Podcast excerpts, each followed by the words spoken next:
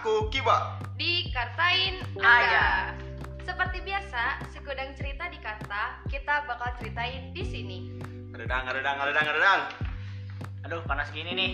Segerah, segerah, segerah. Gas. Sekre Karta Sari Jadi. Gas, gas, Gas. gas, gas, gas. Yuk. Dari tadi kita di sini di Sekre memang udah pada ngerti gitu apa apa itu Karang Taruna. Tahu ya. Aku lagi puasa. Gak bisa mikir saya. Emang ini anak punya otak. Sumpah. Puasa mah lulus, John. Coba dong eh, dari eh, dari kedua teman aku ini dari Anissa sama Kiba menurut teman-teman karta itu apa sih? Mungkin aku ya yang ngejelasin. Eh, buat anak-anak remaja pasti udah akrab banget dong dengan Karang Taruna, yaitu sebagai salah satu wadah pemersatu pemuda dan pemudi di Indonesia.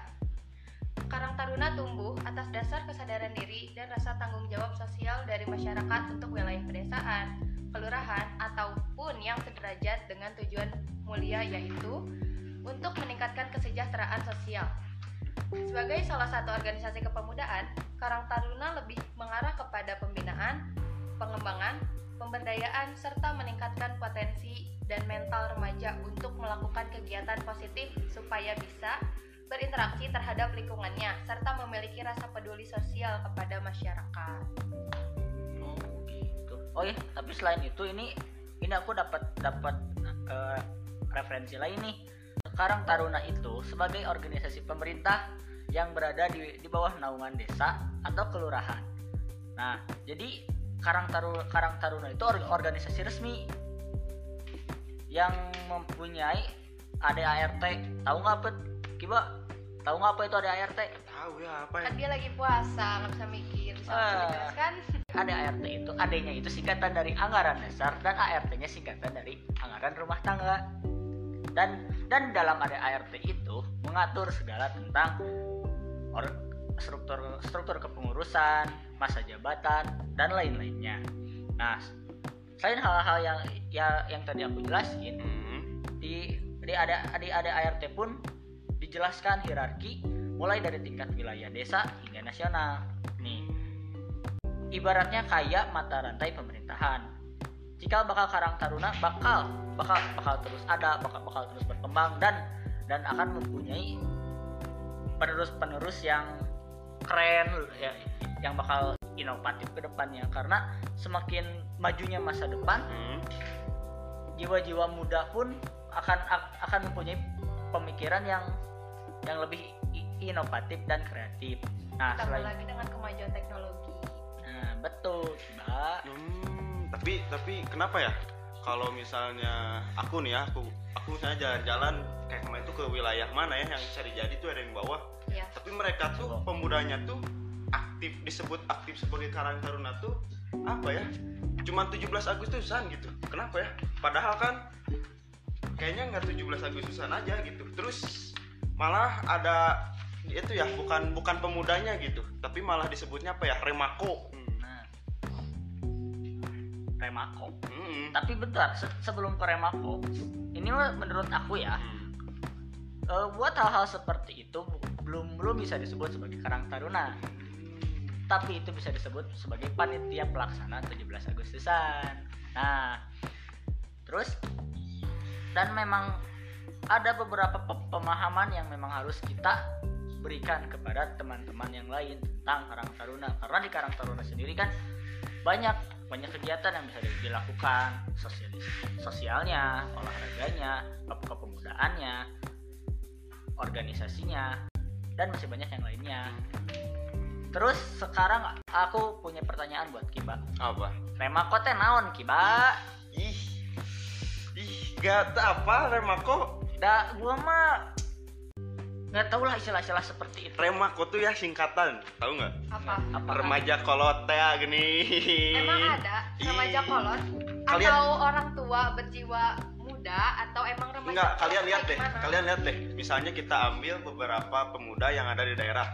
ya Mereka tuh melaksanakan 17-an, tapi sebagai apa ya? Cuma sebagai peserta yang melaksanakannya tuh apa ya? Cuman orang tua yang di atas, bukan orang tua lah, dewasa yang dari umur 25 tahun ke atas gitu. Sebagai panitianya. Sebagai panitianya Oh. sedangkan yang 17 tahun 18 tahun 19 tahun mereka hanya sebagai partisipan atau peserta gitu. Nah mungkin makanya disebutnya remako bro. Apa remako sekali lagi? Remaja Ya, kolot. umurnya kolot bengetna remaja gitu merenya. Semangatnya juga mungkin ya. Mungkin mungkin. Tapi kan memang harusnya harus ada regenerasi mungkin ya. Karena memang yang aku lihat setiap karang taruna itu memang kebanyakannya tuh bapak-bapak. Bahkan ada ada karang taruna yang seumuran bapak aku gitu. Kan itu sedikit gimana Bapak gitu. kamu emang umur berapa tahun bapak kamu? Kurang lebih 50 tahun. Ya, ya kan karena masih banyak kan yang ya, yang seperti itu. Hmm. nah. Bentar. Tapi ada yang tahu nggak sih? Bentar lagi teh tanggal 21 April. 21 April. Ada apa ki ayo ada ayo. apa? Hmm, 21 April. Ya. Makanya kalau kata emak disuruh ke sekolah teh lurus ke sekolah. Lurus bukannya belok ke om bebas ke PS tapi dah sekolah orang mah di pengkolan. Belok dulu baru sekolah saya. Bentar 21 April. Iya. Orang can ngisi pulsa gitunya. Hah? beak sih masa tenggang pulsa orang juga ah. Dasar dasar generasi nunduk dasar generasi emang apa ada apa di tanggal 21 teh? Apa ayo? Nah ada apa yo? Ya makanya kan saya nanya teman-temanku. Oh iya mungkin dijelasin sama Edit. Tahu nggak sih? Kiba tahu nggak RA Kartini itu siapa? RA Kartini. Oh apa ya disebutnya RA Kartini? Ibu ya pasti ibu-ibu. Iya sih ibu-ibu. RA Kartini dia tuh pejuang pejuang hak wanita atau apa ya disebutnya? ya? Atau emansisasi gitu ya? Emansipasi. Oke, sorry, sorry. Eman apa sih Pak? Emansipasi. spasi Tapi tahu kan cerita sejarahnya? Ya, tahu lah. emansipasi itu? Tahu lah. Pahlawan astagfirullahaladzim. Emansipasi. Emansipasi. Eman emansi. Nah, kalau nggak salah ya, itu soalnya mama aku bilang kalau RA Kartini itu eh, em, pahlawan emansipasi wanita Indonesia yang lahir di Jepara, Jawa Tengah tanggal 21 April 1879. masih gitu Ya cuman tahu biodatanya aja sih. Tadi lihat di Wikipedia. nih coba karena di kita itu kan ada perempuan nih kan karena RA Kartini itu kan eh, seorang wanita nih berjuang coba Anissa buat menjelaskan Oh iya kan kamu secara perempuan ya. lengkap. Siapa? Jadi, R.A. Kartini merupakan putri pertama dari istri pertama Raden Adipati Aryo Sostroningrat. Ayah dari R.A. Kartini merupakan putra Pangeran Aryon Condronegoro keempat. Meskipun ibu dari R.A. Kartini merupakan istri pertama, namun ibu dari R.A. Kartini bukan istri yang utama. Ibu dari R.A. Kartini bernama M.A. Ngasirah. Beliau adalah seorang kiai di Teluk Awur, Surabaya. M.A. Ngasirah sendiri bukan merupakan putri keturunan bangsawan. Padahal di masa kolonial Belanda terdapat peraturan jika seorang bupati harus menikah dengan sesama keturunan bangsawan. Itulah penyebab ayah R.A. Kartini menikahi Raden Ajeng Wurdian yang merupakan keturunan bangsawan dari Raja Madura. Setelah pernikahan tersebut, ayah R.A. Kartini kemudian diangkat menjadi Bupati Jepara, tepat setelah R.A. Kartini dilahirkan. Jadi gitu mbak sejarah singkatnya. Tapi kalian tahu nggak ada fakta menarik dari R.A. Kartini? Emang ada apa aja gitu? faktanya emang apa aja ya Nih ya, faktanya itu yang pertama benci dengan tata cara hidup feodal Jawa. Wih, keren keren Kartini mewarisi darah biru ayahnya, Raden Mas Adipati Aryo Sostroningrat, yang merupakan Bupati Jepara. Ibunya, Ngasirah, cuma seorang selir karena berasal dari rakyat jelata. Menurut aturan feodal Jawa, ia wajib memanggil ibunya Yu, yang berasal dari kata Mbak Yu atau kakak perempuan. Sedangkan ibunya memanggil Kartini Doro, panggilan untuk bangsawan Jawa. Jika Ngasirah lewat di depan Kartini, ia harus berjalan membungkuk. Jika Kartini duduk di kursi, ibunya harus duduk di lantai. Kartini cuma boleh memanggil ibu kepada ibu tirinya, yaitu Raden Ayu Muryam yang merupakan keturunan Raja Madura. Namun, Kartini benci dengan tata cara hidup feodal Jawa. Ia pun lebih suka dipanggil Kartini ketimbang Raden Ajeng Kartini. Menurutnya, tidak ada yang lebih gila dan bodoh daripada melihat orang yang membanggakan asal dan keturunan.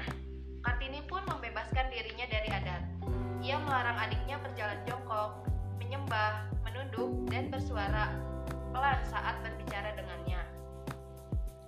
Selanjutnya, yang kedua,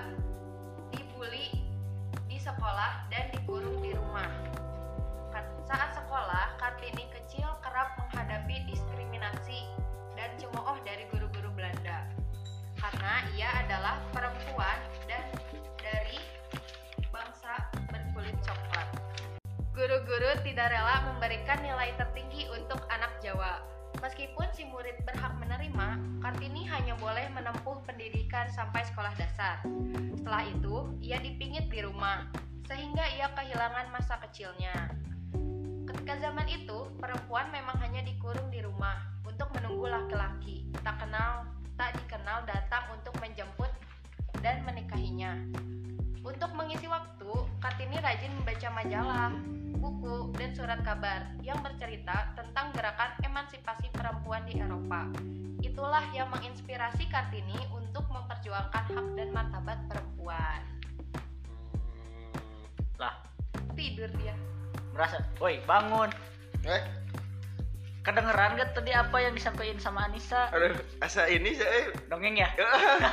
coba apa? Tengah hari bulan puasa. Anissa cerita wah Berasa. Kalau bahasa Sundanya mah di pepene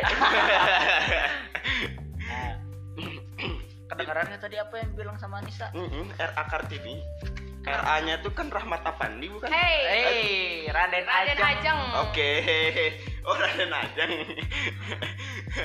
Berarti Ah, tiba malah tidur. sorry, tapi aku dengerin loh. Oke, aku kan tadi- aku kan pengen kayak eh, Bapak Gus Dur, dia tidur saat rapat, dia tidur saat apa, tapi dia mendengar isi percakapan dari rapat Mendengar itu. ya. Nah, oke. Kita coba. Tes Fakta menarik Sok, tes, dari tes. RA Kartini tadi apa? Eh, salah satunya yang tadi aku dengar adalah apa ya? Katanya mendengar. Katanya tadi mendengar. Gimana sih? Eh, emansi sapi tadi. Emansipasi. Kiba. Eh, untung, ih, untung kibanya ganteng. Ih, untung lagi puasa, Ya. sabar. apa ya tadi aku tidur eh Jadi gini, Rad, eh, fakta yang pertama dari Raden Raden Ajeng Kartini itu benci dengan tatanan hidup feodal Jawa. Kedengeran gak tadi ada ada oh iya kata-kata iya iya seperti iya, itu? iya. aku dengar yang tadi ada Mbak Yu nah itu kan Iya. terus ada Nduru Ya. ya. bener gak bener gak bener Bener, bener, Bagus. bener. Nah, Raden Raden Ajeng Kartini itu tidak mau ada hal-hal seperti itu dalam tapi kehidupannya. tapi kayaknya kebayang ya kalau emang nggak ada RA Kartini terus dia nggak apa ya Tidak memperjuangkan tidak memperjuangkan wanita. mungkin sekarang perempuan-perempuan kalau mau lewat ke orang tuanya bener-bener harus bungkuk jangan ngelihat mukanya kan yang kayak kata tadi dia kan era kartini itu benci Ya. benci memang karena sopan tapi kan menurut aku itu kayaknya terlalu apa ya Berlebihan. berlebihan ya Yap. sampai harus gak boleh lihat muka harus nunduk membongkok terus dipingit gitu kan di Hmm. rumah. dan ditambah kan memang eh, memang Raden Kartini itu karena bukan keturunan ibunya bukan bukan garis keturunan bangsawan tapi dari selir. Jadi ya secara tidak langsung Raden Ajeng, Kartini itu masih punya bisa dibilang bawahannya lah bawahan dari bangsawannya seperti itu. Jadi kata kata yang yang tadi dijelaskan Anissa mungkin Raden Ajeng Kartini itu inginnya wanita eh, yang namanya wanita itu tidak dijajah.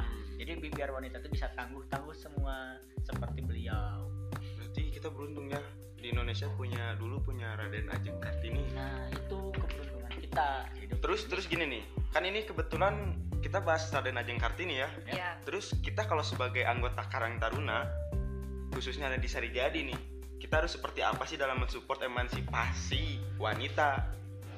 mungkin yang pertama dari perempuan dulu lah Iya, lah, perempuan lagi ladies first. nah ladies first Oke. first first ladies first First. Jadi, kita kan sebagai anggota Karang Taruna nih, dalam mensupport emansipasi wanita, kita bisa dengan melakukan program pemberdayaan perempuan. Contohnya nih, diadain pelatihan kewirausahaan, pelatihan digital marketing, pelatihan public speaking. Kan perempuan gak hanya berbicara tentang sandang, pangan, dan kasur. Lebih dari itu, kasur kirain sandang pangan papan loh yang saya tahu sandang kasur. ini kasur ya Eh, Pak, ini lagi bulan puasa.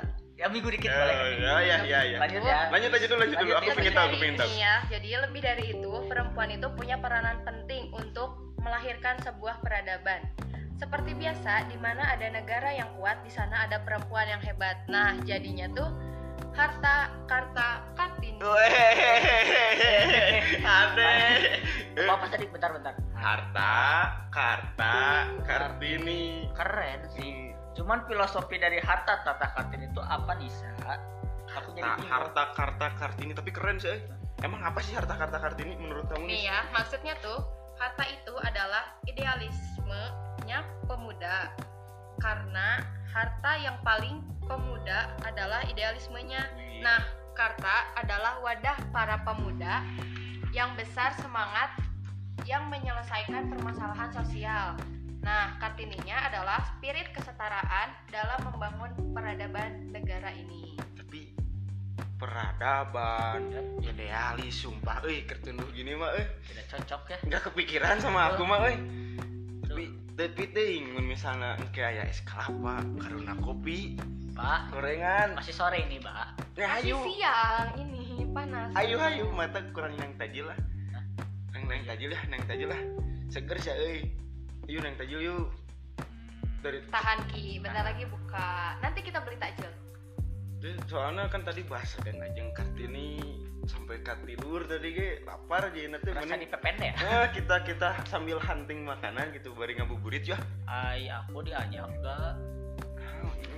Jenis artis tinggalin aja nis. Ayo, ada Ya udah tuh ah, ayo barengan belinya. Bayarnya mah masing-masing. ada kiba.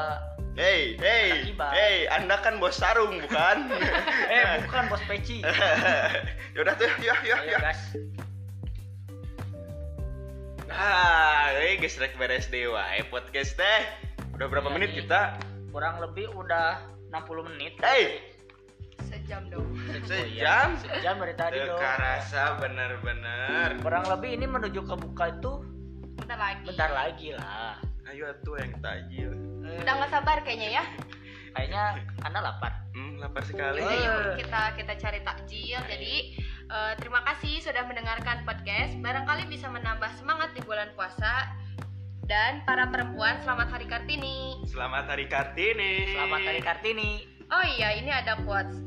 Gadis yang pemikirannya sudah dicerdaskan, pemandangannya sudah diperluas, tidak akan sanggup lagi hidup di dalam dunia nenek moyang menurut R.A. Kartini. berat berat berat berat berat tapi tapi tapi tapi tapi buat temen-temen yang dengerin podcast kita pantengin terus podcast kita Betul. setiap kita update bakal ada hal yang menarik yang bakal kalian dapetin jadi gimana dit Lumayan buat mengisi kekosongan waktunya, kegabutannya dan juga hatinya. aduh Hey. orang tilanya yang takjil ayo Ya. Gabut, Kartain, kartain aja. Kiba, Dadah. Kiba. Mana si Kiba?